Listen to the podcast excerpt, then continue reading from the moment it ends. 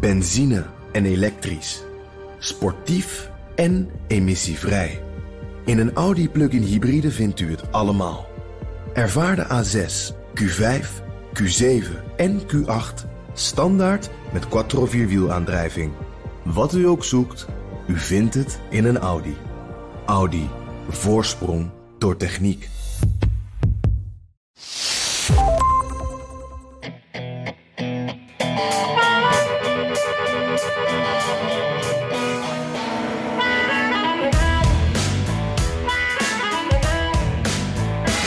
Wij bedenken onze teksten zelf. Zelfs wat je nu hoort hebben we zelf bedacht. Maar in Hollywood en op de Amerikaanse tv hebben ze daar schrijvers voor.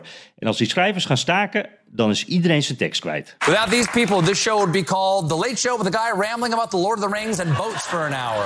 Ja, de eerste slachtoffers van de grote Hollywood schrijversstaking zijn de late night shows. Geen nieuwe afleveringen, maar herhalingen op de Amerikaanse tv. En de nasleep van het vertrek van Tucker Carlson. Dus opschudding over zijn tekst. Dat is een sms'je dus.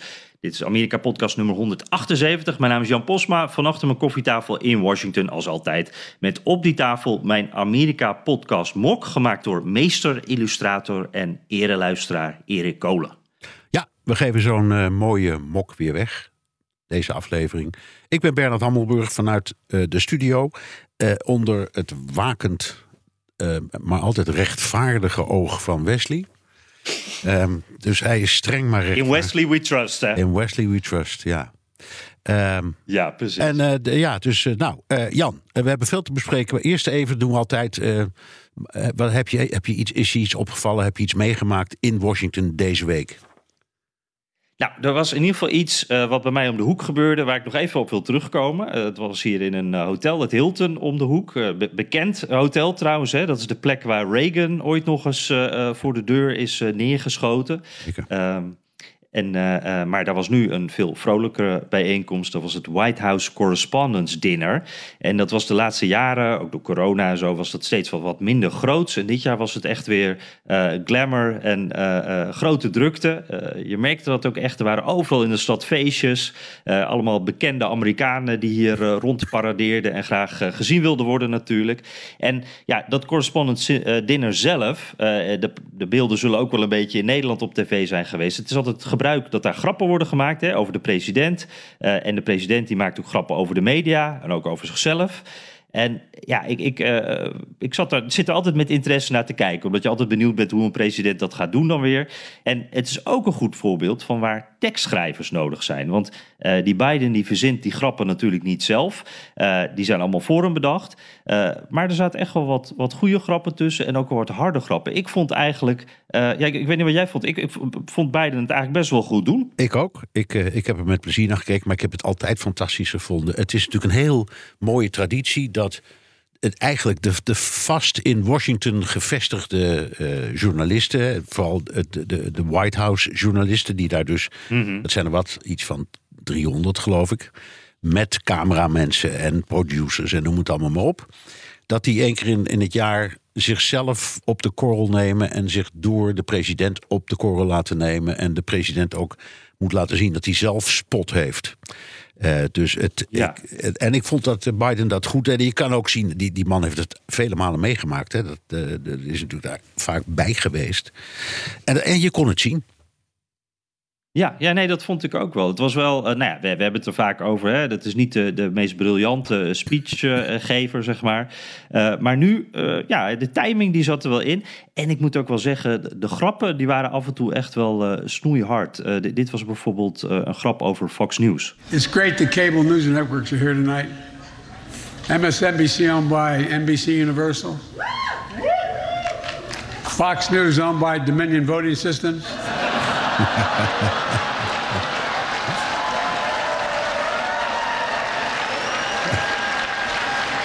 Last year, your favorite Fox News reporters were able to attend because they were fully vaccinated and boosted.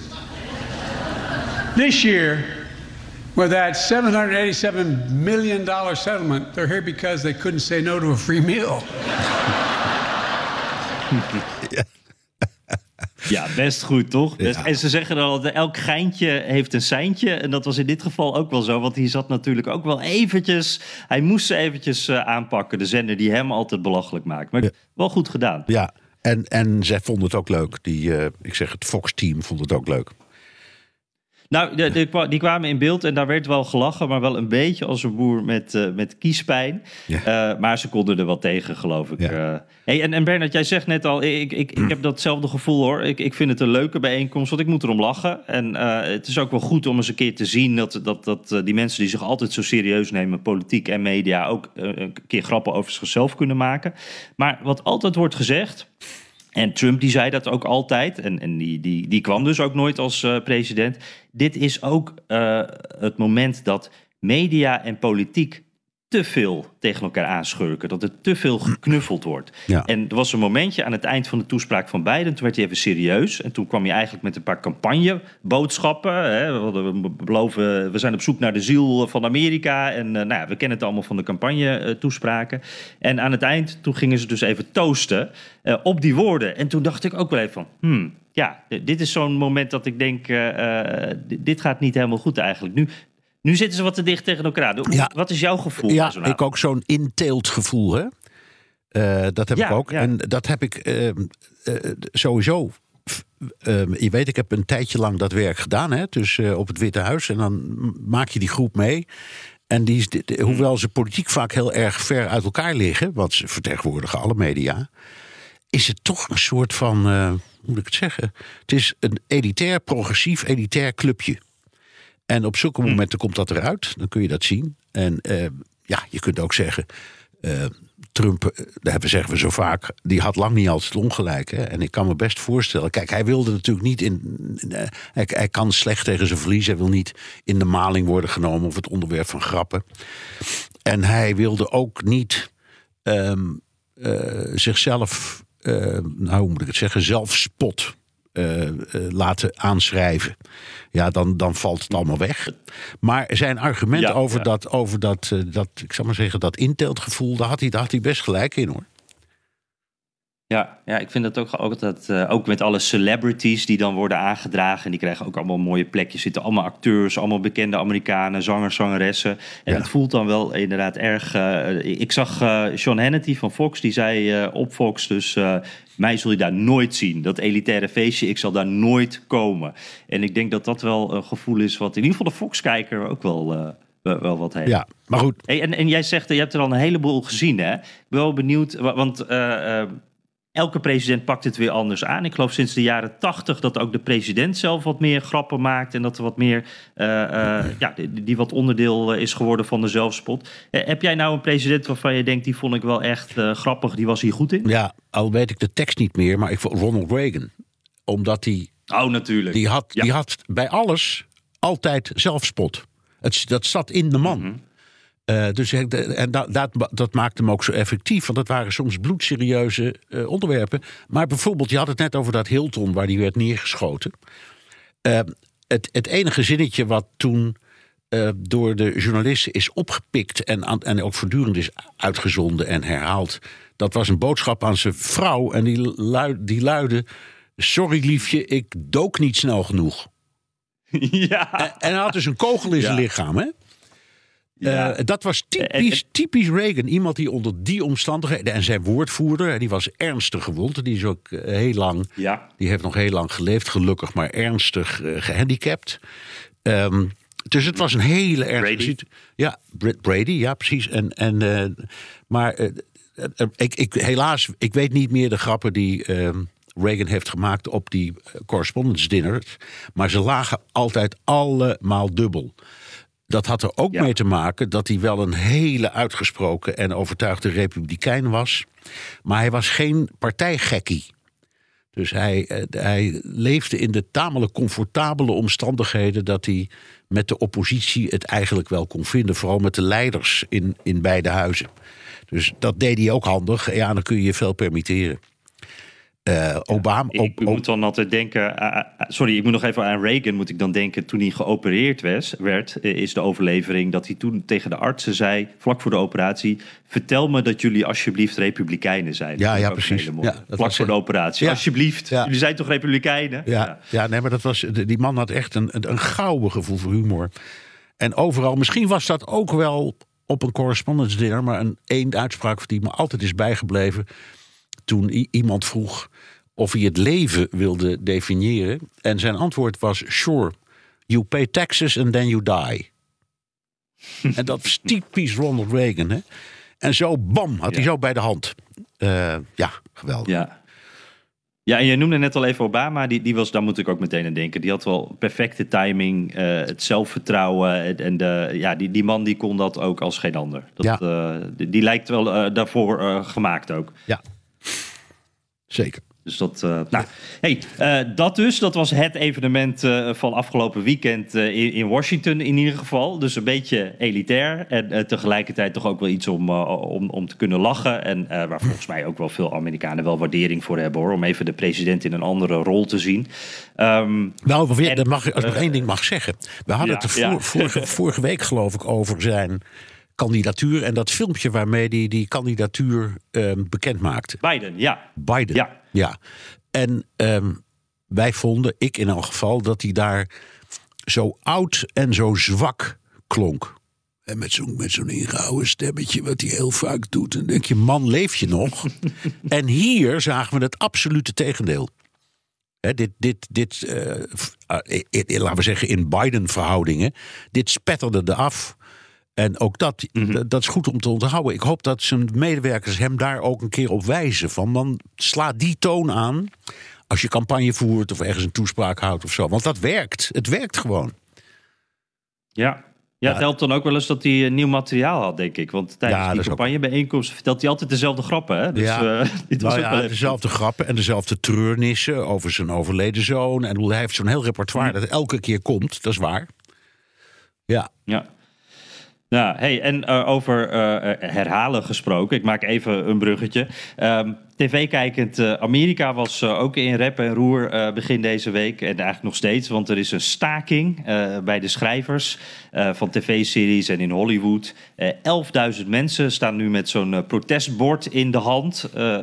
die zijn niet aan het werk, zijn niet nieuwe series aan het maken, is geen grappen aan het schrijven. eerste slachtoffers zijn de late night shows. die zenden nu herhalingen uit. En ja, jij bent ook een tv-maker. Hè? Uh, de, de, de, wat je dan hoort meteen is uh, de eerste slachtoffers. Uh, nou, de eerste mensen die het dus merken zijn de programma's van die dag. Want die hebben meteen actuele grappen nodig. Maar later dan krijgt ook de rest daar last van. vertel eens, hoe, hoe werkt dat? Nou, Wanneer gaan, nou, gaan we dat echt allemaal op de Ja, ik, ik, begin even bij die talkshows. Omdat ja. daar, daar, dat is echt wel interessant hoor. Um, dat, die zijn helemaal gescript. Dus de vragen die de. Het, is, het gaat niet alleen om die, die introtekst, die, de conferentie aan het begin. Maar ook de vragen die zijn helemaal gescript. En ook heel vaak de antwoorden van de gasten. Die in overleg met de gasten natuurlijk, maar ook die worden helemaal gescript. Dus daar heb je een heel team aan schrijvers voor nodig. En wij leven dan in de veronderstelling dat daar een, een presentator zit met een ontzettend leuke gast, met een prachtige jurk. En oh, oh, oh, wat hebben ze een lol samen. Maar het is allemaal gescript. Ja. En wat zijn ze ad rem en, en wat zijn ze ad rem, precies. maar het er allemaal goed uit? Ja, ja maar die grappen die laten ze dus allemaal maken en allemaal opschrijven. En ze werken dan ook met teleprompters of met andere systemen, waardoor of met steekwoorden. Maar ze hebben dan uh, van die systemen om dat ook aan te geven. dus spontaniteit die wordt gespeeld. Dus dat merk je dan onmiddellijk als de, uh, oh, bij wijze van spreken, als ze wel zouden uitzenden, dan, dan, ja, dan, dan kwam er niks meer van belang uit de monden van deze grootheden. en dan heb je natuurlijk de derivaten, zoals er zijn series. Um, er zijn quizprogramma's. Die worden ook helemaal gescript. Dus op een bepaald moment zijn ze door zo'n zo'n loop van een aantal van die uh, afleveringen mm. heen. En dan is het klaar, als het niet is opgelost. Je hebt de soap operas, dus uh, de bekende drama-series die soms uh, 33, 34 jaar lopen. Elke dag weer een, een, een aflevering met diep en groot drama en veel eh, veel stuklopende verhoudingen en buitenechtelijke relaties en ga zo maar door. Ook dat, ook, ja. Ja. ook, nou, Ook dat, steeds dat, dezelfde dingen, maar toch weer net anders. ja, en dat, heet, dat noemen ze dan daytime television. Hè. Die worden allemaal op, op, overdag, over, op, overdag uitgezonden en die, die, die talkshows 's s'avonds. Ehm, en uiteindelijk, ja, dan valt alles weg. En dan, ehm, en dan ga je het niet alleen merken bij eh, series op de televisie, maar uiteindelijk pakt het ook de filmindustrie. Want die is natuurlijk ook helemaal afhankelijk van eh, schrijvers. Wat heet die, die? Er is geen. In, in speelfilm is het helemaal gescript van het eerste tot het laatste stukje. Dus het is een. ehm, het is een, eh, het, het- als het lang duurt, is het behoorlijk ingrijpend. En eh, even Jan, waarom staken? Ik heb het een aantal keren meegemaakt. Want meestal ging het om betaling, uiteraard. Het gaat bijna altijd om geld. Maar Ja, wat, ja. wat is er deze keer aan de hand? Nou, wat ik er wel interessant aan vind, dit heeft ook te maken met, met hoe eh, het medialandschap aan het veranderen is. En, en, en nou, de, de, de vorige staking was in eh, 2007. Hè. Het- toen ging het wel over van, nou, die streaming, die, of het internet komt eraan. Dat was toen, het internet is nu de tv-landschap aan het veranderen. En nu eh, ben je op een punt dat je ziet dat die, die streamingdiensten, de Netflixen van deze wereld, die allemaal inderdaad via eh, de kabel eh, je, je, je huis binnenkomen, eh, dat die eh, dat eh, tv-landschap ook echt veranderd hebben. Het tv-seizoenen, eh, voor veel series duren die niet meer 20 afleveringen of langer, maar zijn het eerder 8 of 12 afleveringen. Dus dat geeft minder zekerheid voor schrijvers. De, de, de, opdrachten zijn minder lang. En eh, daarbij is, nou, je noemde de betaling al, dat is in verhouding ook minder geworden voor heel veel schrijvers. Ehm, en daar zit dan ook weer wat bij. Ze willen ook dat de royalties, eh het heet geloof ik in, in de tv-wereld eigenlijk anders, maar ik noem maar even royalties beter geregeld worden. Eh, vroeger als bijvoorbeeld eh, Friends of Seinfeld of, of, of nou, al die bekende grote series, als die werden doorverkocht naar een andere zender of er kwamen dvd's uit, hè, dan leverde dat ook eh, geld op. eh, Flink wat geld op voor de schrijvers. Maar nu ja, wordt het verkocht aan Netflix en die, eh, of, of, of Prime of, of een van die andere. En die geven dan maar een heel klein percentage. En, en dan is het ineens eh, centenwerk geworden, heb ik begrepen, Ja. voor die schrijvers. Eh, en dat scheelt nogal. En wat ik ook interessant vind, Bernard, eh, we horen heel veel over AI, artificial intelligence, de laatste tijd. Hè. Met dat ChatGPT heeft iedereen het over. We zien allerlei manieren waarop dat banen kan innemen. Ehm, dit, onze podcast hadden we daar bijna ook al in ChatGPT kunnen stoppen, geloof ik. Dan was daar wat uitgekomen. Misschien wel En beter. dat zien die schrijvers. ja, precies. Eh, laat het eh, niemand horen, want Nee. dan eh, ja, hebben wij ineens veel vrije tijd. Maar dat is wel heel interessant natuurlijk, want die, die schrijvers die zien dat en die denken, wacht eens eventjes. Ik heb dus serieus al iets gezien. Ik geloof dat het ook via ChatGPT was. Iemand die zei van, maak een aflevering van Seinfeld en, en zorg dat het in dit jaar speelt en dat het over dit onderwerp gaat, bla bla bla. En dan komt daar dus iets uit. Eh, dus die mensen denken, wij zijn straks helemaal niet meer nodig. Wij worden straks ook geautomatiseerd. Dus het heeft echt met de veranderende tijden te maken. Ik, ja, ik vind het wel. Zie, zie jij dat, eh, nogmaals, als tv-maker? Ja. ook? Zie jij dat voor je? Dat Zeker. een computer dit over kan nemen? Ze- nou, ja. zeker zie ik het over. En ook die, eh, die, die percentages, dat zie ik ook voor me. Omdat ik eh, in, in een grijs verleden voor eh, PBS in Amerika een aantal eh, concerten heb geproduceerd. En aanvankelijk was, eh, was het, het, het verdienmodel, zal ik maar zeggen, dat. eh, daar dan kwamen dan dvd's van. En het werd ook over een aantal. Het is een heel groot netwerk, dat PBS. En, en elk eh, station is onafhankelijk en kan dus inschrijven. En daar krijg je dan betalingen over. Ehm, en ja, dat is helemaal afgekalfd, omdat de, de DVD is zowat verdwenen. Het is ook niet meer nodig. Ehm, dus het, e- de enige waar je nog geld aan kunt verdienen als je dat soort dingen doet, is een, een tour. Dus al die muzici die proberen ehm, op, eh, op, een, op van de zenders of op een streamingdienst hun, hun product te lanceren. En dan hopen dat er een boekingagent komt die eh, co- concerten of optredens voor ze boekt. En daar wordt het geld verdiend. Dus het hele verdienmodel is totaal veranderd. En ja, daar moet je op inspelen. Eh, ik, ik heb toevallig een, een, een relatie die, die- die heel hoog in die platenindustrie zit. En die vertelt ook van ja, aan, aan wat dan heet products. Dus eh, dvd's en al dat soort dingen. Ja, dat, wordt, dat bestaat eigenlijk niet meer of nauwelijks. Er wordt niet meer aan verdiend. Ehm, dus ze moeten andere dingen verzinnen. En daar hebben die schrijvers natuurlijk enorme last van. En, en ja, eh, ik vrees ook dat het niet oplosbaar is hoor. Want het is Nee, echt- want, want eh, ja, jij noemt het de, de, of de muziek nu als voorbeeld. En dan hoor ik inderdaad ook wel, je moet tegenwoordig de t-shirtjes verkopen. Ja, op, ja merchandise. Hè? Ja. ja, maar uh, als ik uh, schrijver ben van een uh, bekende tv-serie, dan heb ik al die mogelijkheden natuurlijk niet. Dan ben je afhankelijk van die studio's, van de producenten. Het, het, het, is allemaal, ja, je, bent, je kan niet on tour, zeg maar. Nee. en tegelijkertijd zien we dus dat die, die studio's ook minder verdienen, want die streamingdiensten betalen minder. Ehm, ja, wat denk je? Hoe, hoe kunnen we hier uitkomen? Hier, hier komen we niet uit. Dus, dus, dus nee, nee, ik denk er komt een concessie. Dus op een bepaald moment zal de oorspronkelijke opdrachtgever hopelijk zeggen: Oké, ik zie het probleem, ik betaal wel wat meer. Maar daar houdt het op. Want de, hele keten, zoals je die net beschreef, ja, die kun je niet meer veranderen. Uh, en Netflix gaat ook niet zo goed, laten we eerlijk wezen. Uh, dus die heeft ook uh, grote problemen en die overweegt nu ook om, om uh, een, systeem te lanceren. Of het is er misschien al met reclames, zodat je wat minder hoeft te betalen hè, als afnemer. commercials, terwijl het, het idee was dat dat nou juist nooit gebeurt. En die heb, ontslaan personeel en die nemen ook minder producties nu aan. Dus ja, ook die hebben het niet zo makkelijk.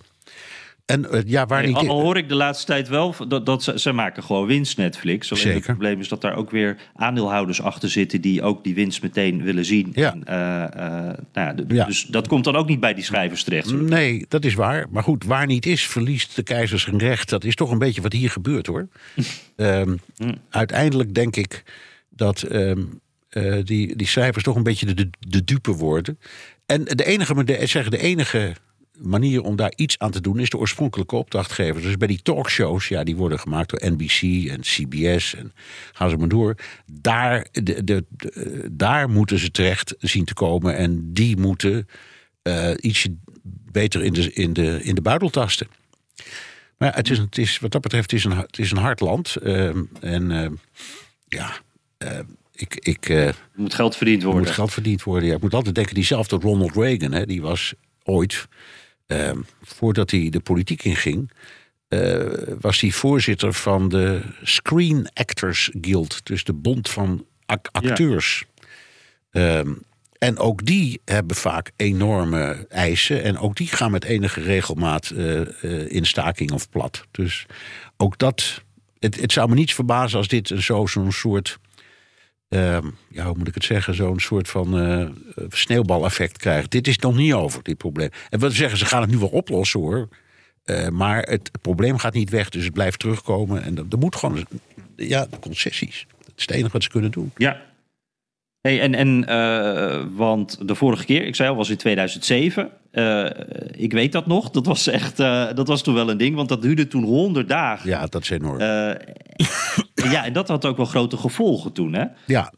Uh, omdat op een bepaald moment wordt iedereen erdoor geraakt. Dus niet alleen maar de schrijvers en de acteurs, maar ook de decorbouwers, de schilders. Ze hebben heel veel, ja, wat wij zouden noemen huisschilders. Um, hm? die, die filmsets uh, uh, beschilderen, want die worden vaak opnieuw gebruikt en dan moeten er andere kleuren op. Die mensen gaan het merken. De koffiejuffrouw gaat het merken. Um, de, de, de, de, de kleding. Uh, je hebt dus een hele afdeling die kostuums maakt.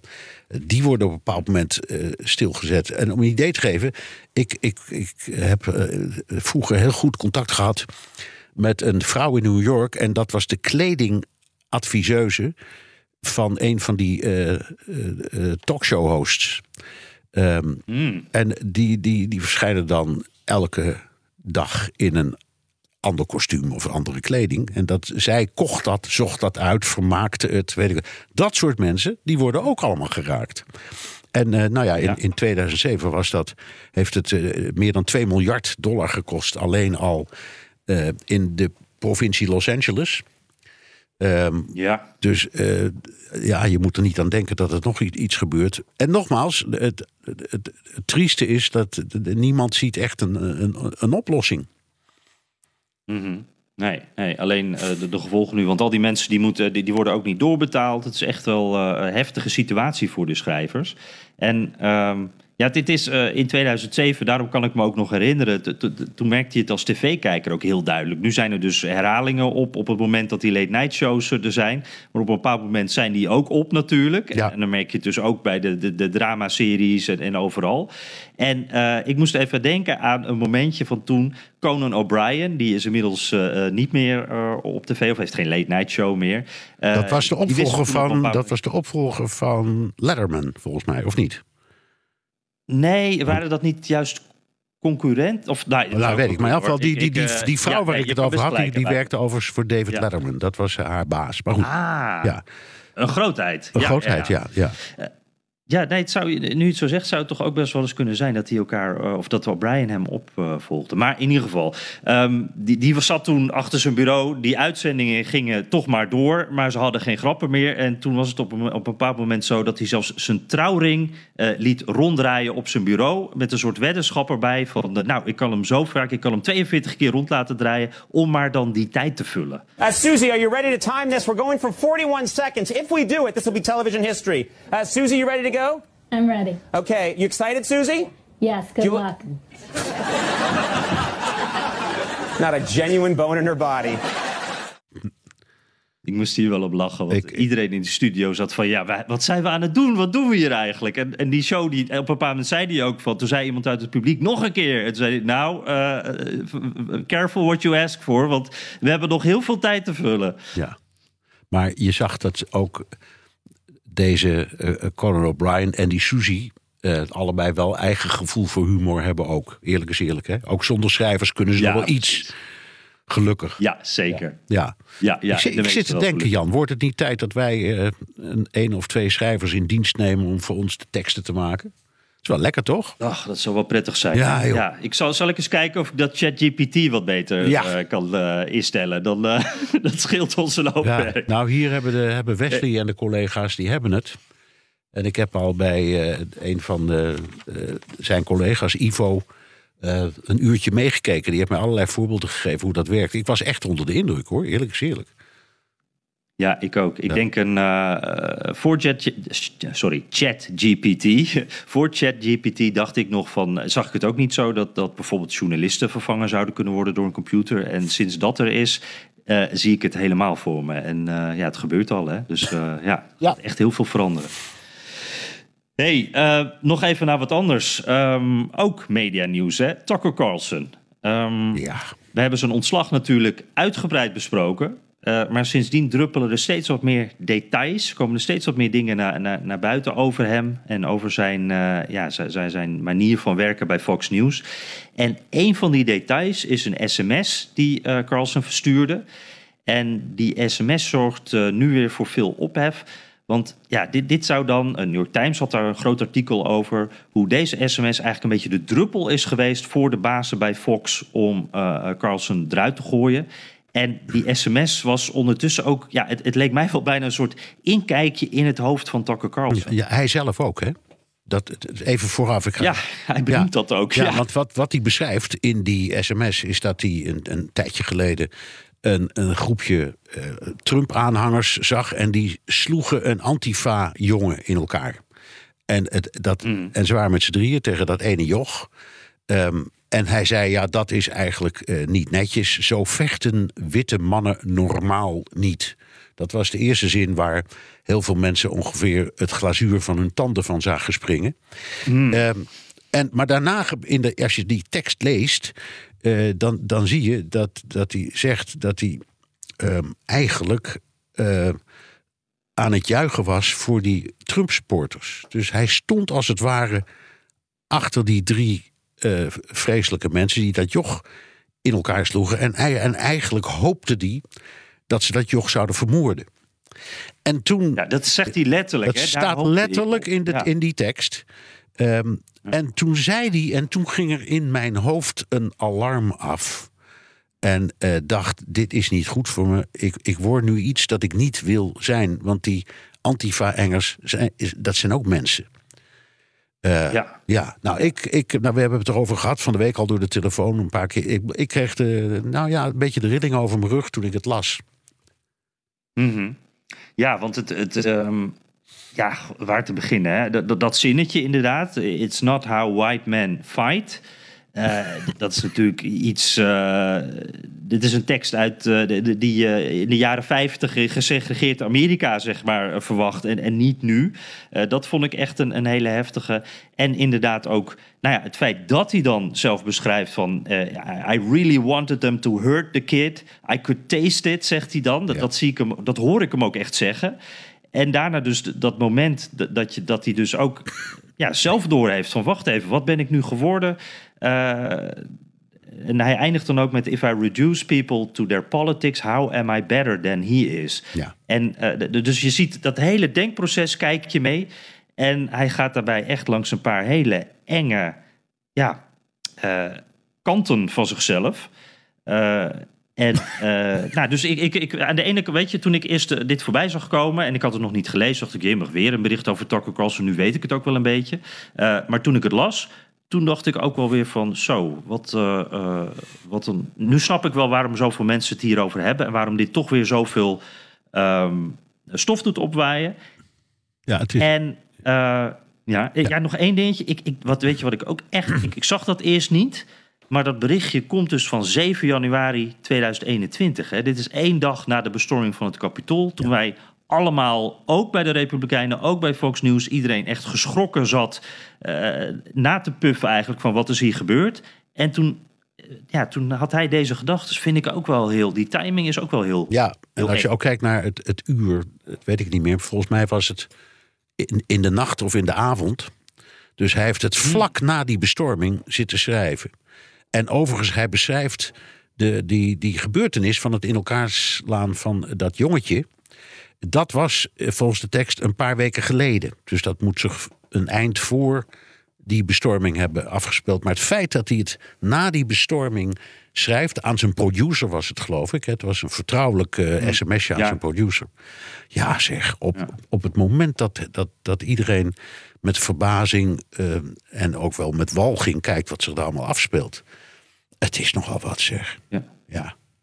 En, er zit ook een, een, een gek verhaal aan vast. Want um, dit, dit, nou, dit heeft met die rechtszaak uh, te maken. Hè? Die, die Dominion-rechtszaak. Daar zat deze sms, die, die zat er ook in, maar die was uh, redacted. Het was helemaal zwart gemaakt. Uh, dus niemand kon lezen wat daarin stond. Maar hij komt nu toch naar buiten. En dan is de vraag dus ook, wie lekt dit? En dan is de eerste gedachte dus van, ja, de, volgens mij heeft Dominion heeft volgens mij ook niet de unredacted sms, maar dat weet ik niet helemaal zeker. Wat, wat denk je? Ik, ik Dat- denk dus dat- dat, dat nou, echt bijna ja, alleen nee. maar Fox zelf zijn. Maar nee, dat moet. Ja? De, de, de, want er is dus eh, de plicht van ehm, uitwisseling van elkaars materiaal bij een rechtszaak. Ehm, Mhm. En eh, dus wat, eh, wat ehm, Dominion had, had Fox News en andersom aan materiaal. Dat, Maar als die eh, sms voor ons zwart is gebleven, zou die dan voor Dominion ook zwart zijn gebleven? nee, dat denk ik, dat denk ik niet. Geen idee. Dat denk ik niet. Nee. Oké. ja. Nee. Ja. Dus dan kan het van verschillende kanten komen. Eh, er wordt, maar er, waar, waar ook wel, eh, er wordt ook wel wat gesuggereerd van... Hey, is Fox News nu met Carlson aan het afrekenen? Vind ik een eh, interessante, intrigerende gedachte. Ik denk dan bij mezelf, die Carlson heeft ook nog genoeg waarschijnlijk over Fox... wat hij kan delen, dus pas maar op. En eh, hij is ook niet eh, eh, helemaal van het toneel af natuurlijk. Dus eh, wat voor gevoel heb jij daarbij? Nee, Zou ik dit denk- van Fox zelf kunnen komen? Nou, ik, ik denk ik- niet afrekenen, maar misschien wel tot zwijgen brengen. Omdat hij alweer. Een soort dreigen ook. Ja, een soort dreigement. Van, eh, dan moet je niet meteen weer op een ander station ditzelfde trucje gaan doen. Want dan, we weten nou net iets te veel van je. Dat, dat zit er meer in. Dus het is, het is geen afstraffing. Het is meer de hoop dat hij niet ergens anders weer ditzelfde gaat doen. Denk ik. Ik weet het niet, maar dat denk ik. Het lijkt me veel logischer, ook zakelijk, om dat zo te doen. Want ja, dan word je er opnieuw door bedreigd, maar dan van buitenaf. Ja. Ik ben sowieso benieuwd, eh zijpaadje, maar eh, ik kan me niet anders voorstellen dan dat Carlson ook een bepaalde clausule nog in zijn contract heeft dat hij niet meteen eh, ergens anders aan de slag kan. Maar nou ja, we zullen dat zien, dat hij niet meteen zijn eigen zender kan beginnen.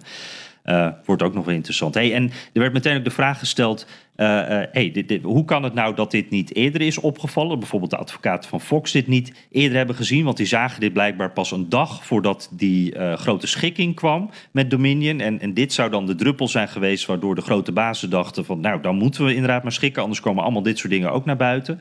Um, en uh, ik dacht toen van, ja, uh, is dit nou zo schokkend geweest voor die mensen van Fox News dan?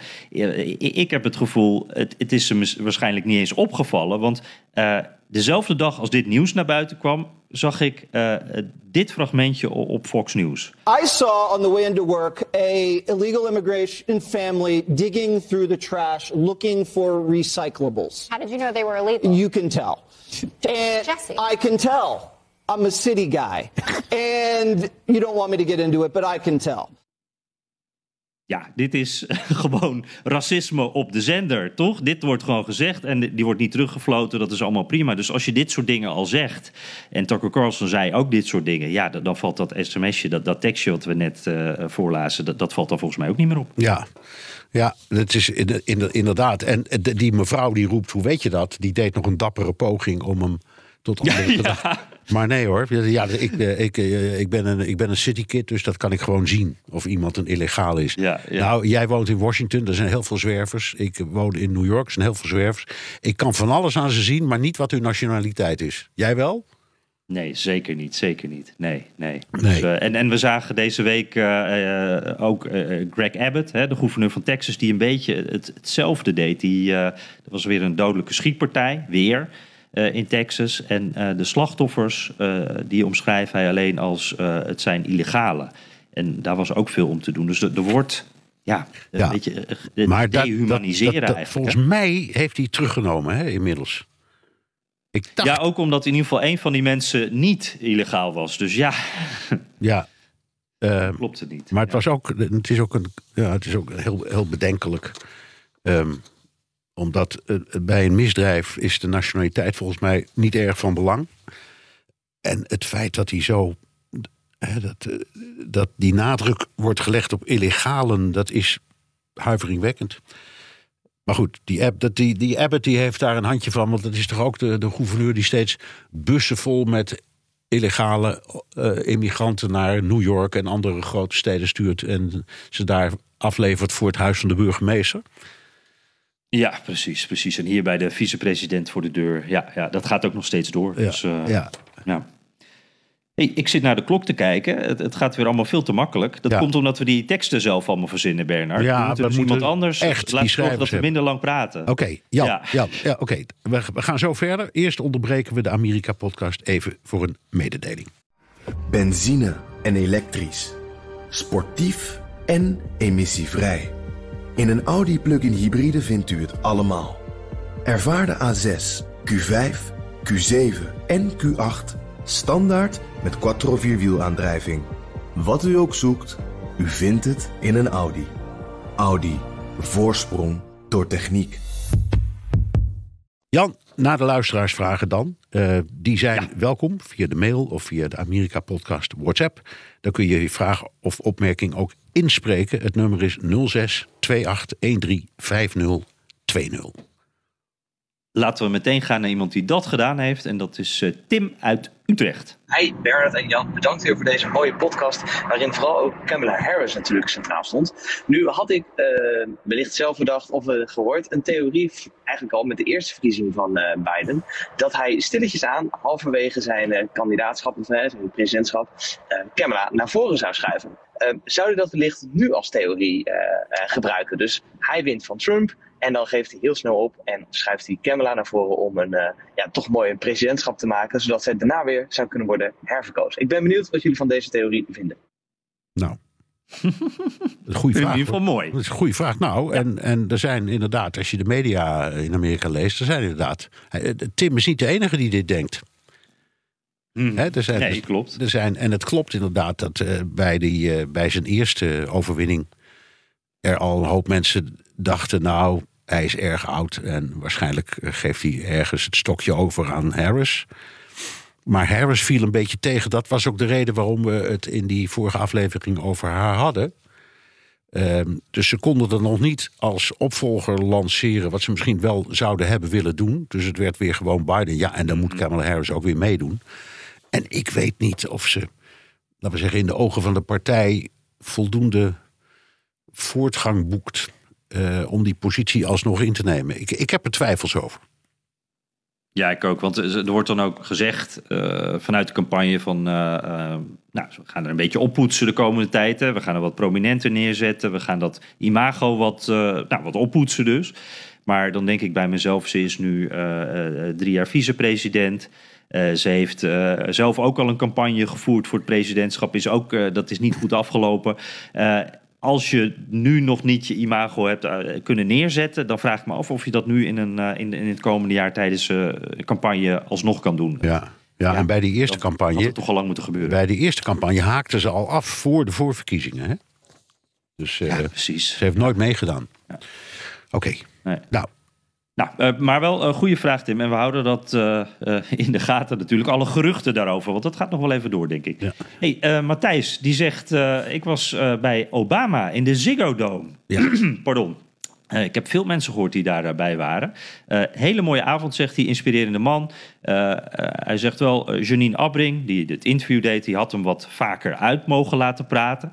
Um, en hij zegt, uh, ja, ik ben benieuwd of Bernard er ook bij was. En nee. zo ja, wat je ervan mee hebt. Nee, ja, nou, nee, ik, dat is ik meteen heb, heel duidelijk. Nee, ik was, er, ik was er niet bij, want ik, ik, uh, ik kon niet. Uh, ik had het graag willen doen. Uh, en hij is al een keer eerder hier geweest. En toen heb ik met een groepje um, nog meegewerkt aan het maken van de vragen. Dit keer ben ik daar helemaal Hmm. niet. Ik, ik weet niet, ik, dit keer ben ik er helemaal niet bij betrokken geweest. Maar dat was toen heel leuk. Um, ook omdat, die, dat was grappig, Jan. Um, en ook uh, Matthijs, het is een leuk verhaal. Um, de, toen, toen we daarmee begonnen, met, uh, de, toen zei de, ik zal maar zeggen, degene die het, het, interview zou gaan doen, dat hij heel erg wilde inzoomen op leiderschapskwaliteiten. Wat heb je er nou voor nodig om in een team leiding te geven en uh, de, de mensen nou ja, op een positieve manier met elkaar te laten omgaan en weet ik wat allemaal. En toen heb ik gezegd, we moeten nou even stoppen, want jullie snappen echt niet hoe het werkt. De president van Amerika doet niet aan teambuilding. En uh, die, uh, het zal hem een zorg zijn of ze onder, onder elkaar ruzie hebben of van elkaar houden of wat dan ook. Wat hij van ze wil, is hun advies. En dan, dat, dat kunnen tegenstrijdige adviezen zijn. En daar kiest hij dan uit. En dan stuurt hij ze de Kamer weer uit. Dus niks. Uh, en, en dat heeft geholpen, omdat die denktrand weer heeft geleid tot een heleboel leuke vragen aan Obama. Dat was toen een succes. Helaas, Matthijs, ik heb hem gemist. Ik kan er niet over oordelen. Ik weet ook niet hoe Janine dat interview heeft gedaan. Ik weet het gewoon niet. Sorry. Ja, ik, ik zag wel een, een, klein fragmentje en daarin prikkelden ze hem wel heel goed, vond ik. Want Obama die heeft natuurlijk, die doet honderdduizend van dit soort gesprekken. Die, die, die moet je eventjes wakker maken ook. Hè? Dat hij even iets zegt wat hij nog niet eerder heeft gezegd. En ze probeerden dat volgens mij wel goed, wat ja. ik zag van dat stuk. Ja, nou ja, hij praat altijd in, ja. uh, in ontzettend spannend klinkende clichés. Dat is helemaal zijn stijl. dus daar moet je even doorheen. Dat is ook ja. zo. Ja. ja. Ja, dat is waar, ja. Inspirerende clichés zijn het. Ja. Uh, hij zegt, uh, Matthijs, dus volgende keer moet Bernard het interview maar afnemen. Ik ga er nog even overheen. Wij moeten maar eens een keer in de podcast... Ik wou net zeggen, dan laten we het dan goed aanpakken. Ja. ja. en hij woont bij jou Precies, de hoek. ook in de oh, waar woont hij trouwens? Woont hij in Chicago tegenwoordig? Nee, hij zit nog steeds inderdaad bij mij om de hoek. In de buurt van ook de ambtswoning van uh, de Nederlandse ambassadeur. In dat wijkje. Oh ja, dat is mooi. Dus, Avenue. Ja. Ja, ja, dat is de, de ambassade. Oh, is de ambassade? Oh ja, ja, ja. De, de, de ambtswoning. De ambtswoning, ja, ja. S, Dit, uh, S dit is... Street, ja, zoiets. Ja, mooie buurt. Ja, ja, ja. nee, precies. Waar, waar uh, Jeff Bezos van uh, ja. Amazon... Ja, de, kortom, dus dan daar, weten we een beetje wat voor buurt dat is. Daar, worden, daar wonen de arme mensen, hè? ja, precies. Ik woon overigens net aan the other side of the track, zeg Ja. maar. Niet in dat wijkje. maar niks te klagen, hoor. Hey, uh, Martijn Kamps dan nog. Um, die zegt, ik luister al vanaf afgelopen zomer. Um, en uh, uh, mijn vriendin en ik zijn al vele jaren gek op het land. Maar als ik echt één reden moet kiezen waarom, dan kies ik als hobby bierbrouwer voor het Amerikaanse craft beer. Wat maken ze daar toch lekker bier? Waarom zijn jullie eigenlijk zo gek op Amerika? Nou, Ja. Ik, Oeh, heeft u even. Ja, maar goed, de, de, de- Martijn is eh, ehm, waarschijnlijk een Vlaming, hè, denk ik. ja klopt, hij komt uit België. Ja, ehm, Ik, mijn eerlijke antwoord is: ik ben niet zo'n bierliefhebber. En ik ben ergens niet zo ver van waar jij woont, ooit eens een keer met David naar een, ja, een soort bar, restaurant geweest. En daar hadden ze alleen maar bier, maar daar hadden ze een menu met, ik denk dat daar wel 150 biersoorten op stonden. En dat was bomvol en allemaal enthousiasten die dit probeerden en dat probeerden. En inderdaad, Amerikanen zijn er goed in. En je ziet ook heel veel van die mini-brouwerijtjes. Hè? Gewoon eh, twee aan elkaar geknoopte woonhuizen met zo'n grote tank erin. En dan maken ze zelf het bier hartstikke leuk. Alleen, ik ben geen bierliefhebber. echt wat Ja, Ja, ja ik er wel. Ja. En, en ik moet wel zeggen, ik vind dat wel echt heel leuk hoe dat veranderd is. Want ik kan me nog herinneren, nou, 10, 15 jaar geleden, dat echt iedereen aan de Bud Light zat. En dat, dat was echt, dat is heel saai bier. dat, dat wordt van rijst gemaakt. Zit. Nou, dat Ja, wist ik niet eens. Maar wordt van in ieder geval rijst, eh, Ach, gossie, ja. Ja. Nou, en, en nu zie je overal inderdaad elk restaurant, elke bar. eh, je hebt honderd eh, microbreweries waaruit je kan kiezen. En dat is heerlijk en dat is heel erg leuk. Maar volgens mij stelde Martijn de vraag meer in het algemeen van... is, kan je één ding noemen waarom jij zo gek op Amerika bent? Was dat niet eens specifiek op bier gericht? Ja, het is heel moeilijk te zeggen. ehm, maar ik, wat mij zelf, ik spreek voor mezelf, is de, eh, de, de beschikbaarheid in dat land van, ongeveer alles wat een mens leuk kan vinden. Eh, op het gebied van sport, op het gebied van ontspanning, cultuur, musea, eh, raceauto's. ik, ik heb daar vliegles genomen. Ik bedoel, alles kan in dat land. En het is allemaal. Ja, wat je maar kan verzinnen is er. En, dat, en het is er ook snel. En dat heet, dat, de Amerikanen noemen dat instant gratification. Dus als je iets wil, dan kun je Ja. het ook meteen omarmen. Eh, dus je, je raakt heel snel verwend in dat land. Heel veel dingen waarvan. Het is ongelooflijk. Nou, dat, is, dat, dat, dat klinkt als een verwend jongetje. En dat, misschien ben ik dat ook wel, maar dat bedoel ik niet. Maar hij zegt: waarom vind je het nou zo leuk? Nou, daarom. Als ik daar ben en, eh, de- en ik, eh, ik denk s'morgens, nou, even lekker naar het museum. Dan, hop. En jij ook trouwens, met al die mooie musea vlakbij. Of ik wil naar een leuk theater. Nou, je kunt kiezen uit 30 theaters. Of, eh, het- is, alles is in overvloed. Ehm, en dat vind ik prachtig. Ja, Ja, nee, dat is heel mooi gezegd. Ik, ik heb zelf ook altijd, ik vind de geschiedenis heel interessant en ook de mythevorming van dit land. En bij elke mythe die hier is, die ze zelf ook creëren hè, en zelf uitvinden, daar zit ook altijd een donkere kant aan. En ik vind het heel interessant om te zien hoe ze daarmee omgaan altijd. En dat, Ja. dat is iets wat ik, eh, een soort extra laagje, wat ik altijd eh, probeer te zoeken. En, en nou, dat, dat blijft eindeloos fascinerend, want je probeert het steeds te begrijpen. Je hebt het gevoel dat je een stapje dichterbij komt, maar je komt er nooit helemaal. nee, zo zullen jij en ik nooit begrijpen hoe het nou echt zit met die wapens. Nee, precies, Ja. precies. En dat is precies zo'n onderwerp waar al die dingen in samenkomen. Ja, Ja. ja. hey, eh, even kijken. Eh, wij moeten een beetje afronden ook alweer. Maar ik wil nog even Michael Verdelis, ik hoop dat ik het zo goed zeg, eh, meenemen. Want die zegt, en dat vond ik een leuke... als Amerika zou moeten kiezen tussen Disney of Ron DeSantis... Wie zou er dan winnen? Eh, Ron DeSantis die is de, de strijd aangegaan hè, met de Disney. Eh, er zijn nu rechtszaken over en weer. Het ging allemaal met, eh, ja, de, de, dat had allemaal met die oorlog tegen woke die DeSantis begonnen is te maken. Ehm, en Michael die zegt ervan, ja, zijn lokale achterban van die DeSantis, die vindt het misschien wel prachtig, maar hoe kijken ze landelijk naar deze situatie? Kan je Dis- Disney niet beter te vriend houden? En ik dacht, ja, dat heb ik namelijk zelf ook wel gedacht. Ik ook. Disney is ook het bedrijf van Mickey Mouse en Donald Duck Precies. en, en familieplezier. ja. Ja, en, en, en dit gaat gewoon om ehm, simpele dingen als het niet mogen gebruiken van het woord eh, homo of, eh, of, of dat soort dingen. Hè. Daar gaat het allemaal om. Het, het gaat alleen Ja, maar. de schoolklas. schoolklas Ja. die, die mag geen kennis maken met iets wat maar een of andere, ik zal maar zeggen, seksuele referentie heeft of wat dan ook. Daar gaat het over. En daarvoor is hij bereid om echt tot het gaatje te gaan. En ik ben het helemaal eens eh, met eh Michael of Michael. Als ik weet dus niet hoe je het uitspreekt. Oh ja, oh, ik dacht Michael. Ja, ja. nou, ik hoop Eh, dat ik het goed... eh, ja, eh, maar ik ben het in elk geval eh, helemaal mee eens. Ik zou, als ik eh, eh, commander-in-chief zou worden, zou ik inderdaad Disney te vriend willen houden. Helemaal mee eens. Ja, en ook trouwens, omdat, want je zou ook kunnen zeggen, het is een beetje, je kan Disney ook op een andere manier neerzetten als een grote evil corporation waar heel veel geld in omgaat en die zijn eigen eh, personeel het minimumloon of uh, ja, net, net betaalt. Uh, en en nou ja, een hele andere donkere kant, zo kan je het ook zien. Uh, maar dan was de Republikeinse Partij vroeger toch in ieder geval de partij van het ondernemerschap, van de grote bedrijven, van de banen. Ja. En hij kiest nu dus net de tegenovergestelde daarvan eigenlijk. De grootste werkgever van Florida, snap ja, ik eigenlijk. Ja, en, en, en dan ook nog wat.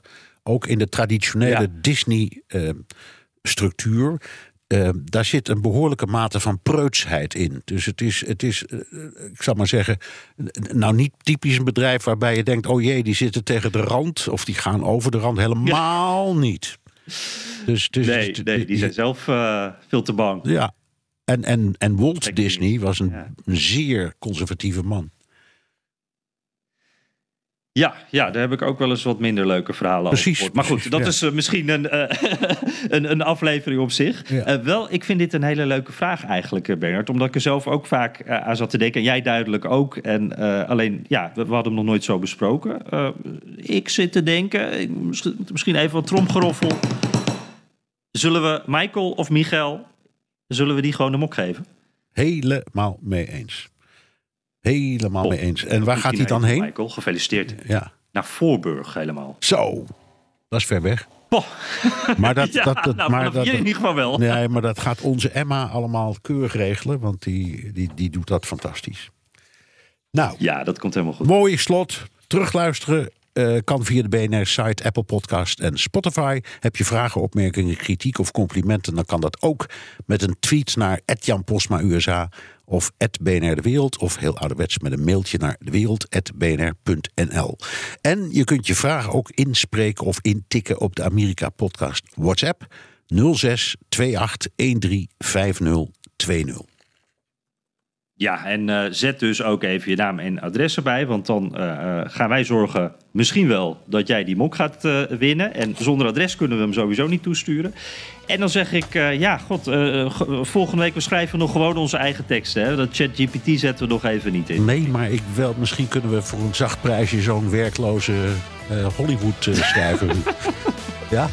Voor een paar goede grappen. Die voor, kunnen we wel Precies, gebruiken. ja. ja nou. Oké, okay, nou, we, we, we, we, gewoon maar op eigen kracht dan. Dankjewel Jan. Tot volgende week.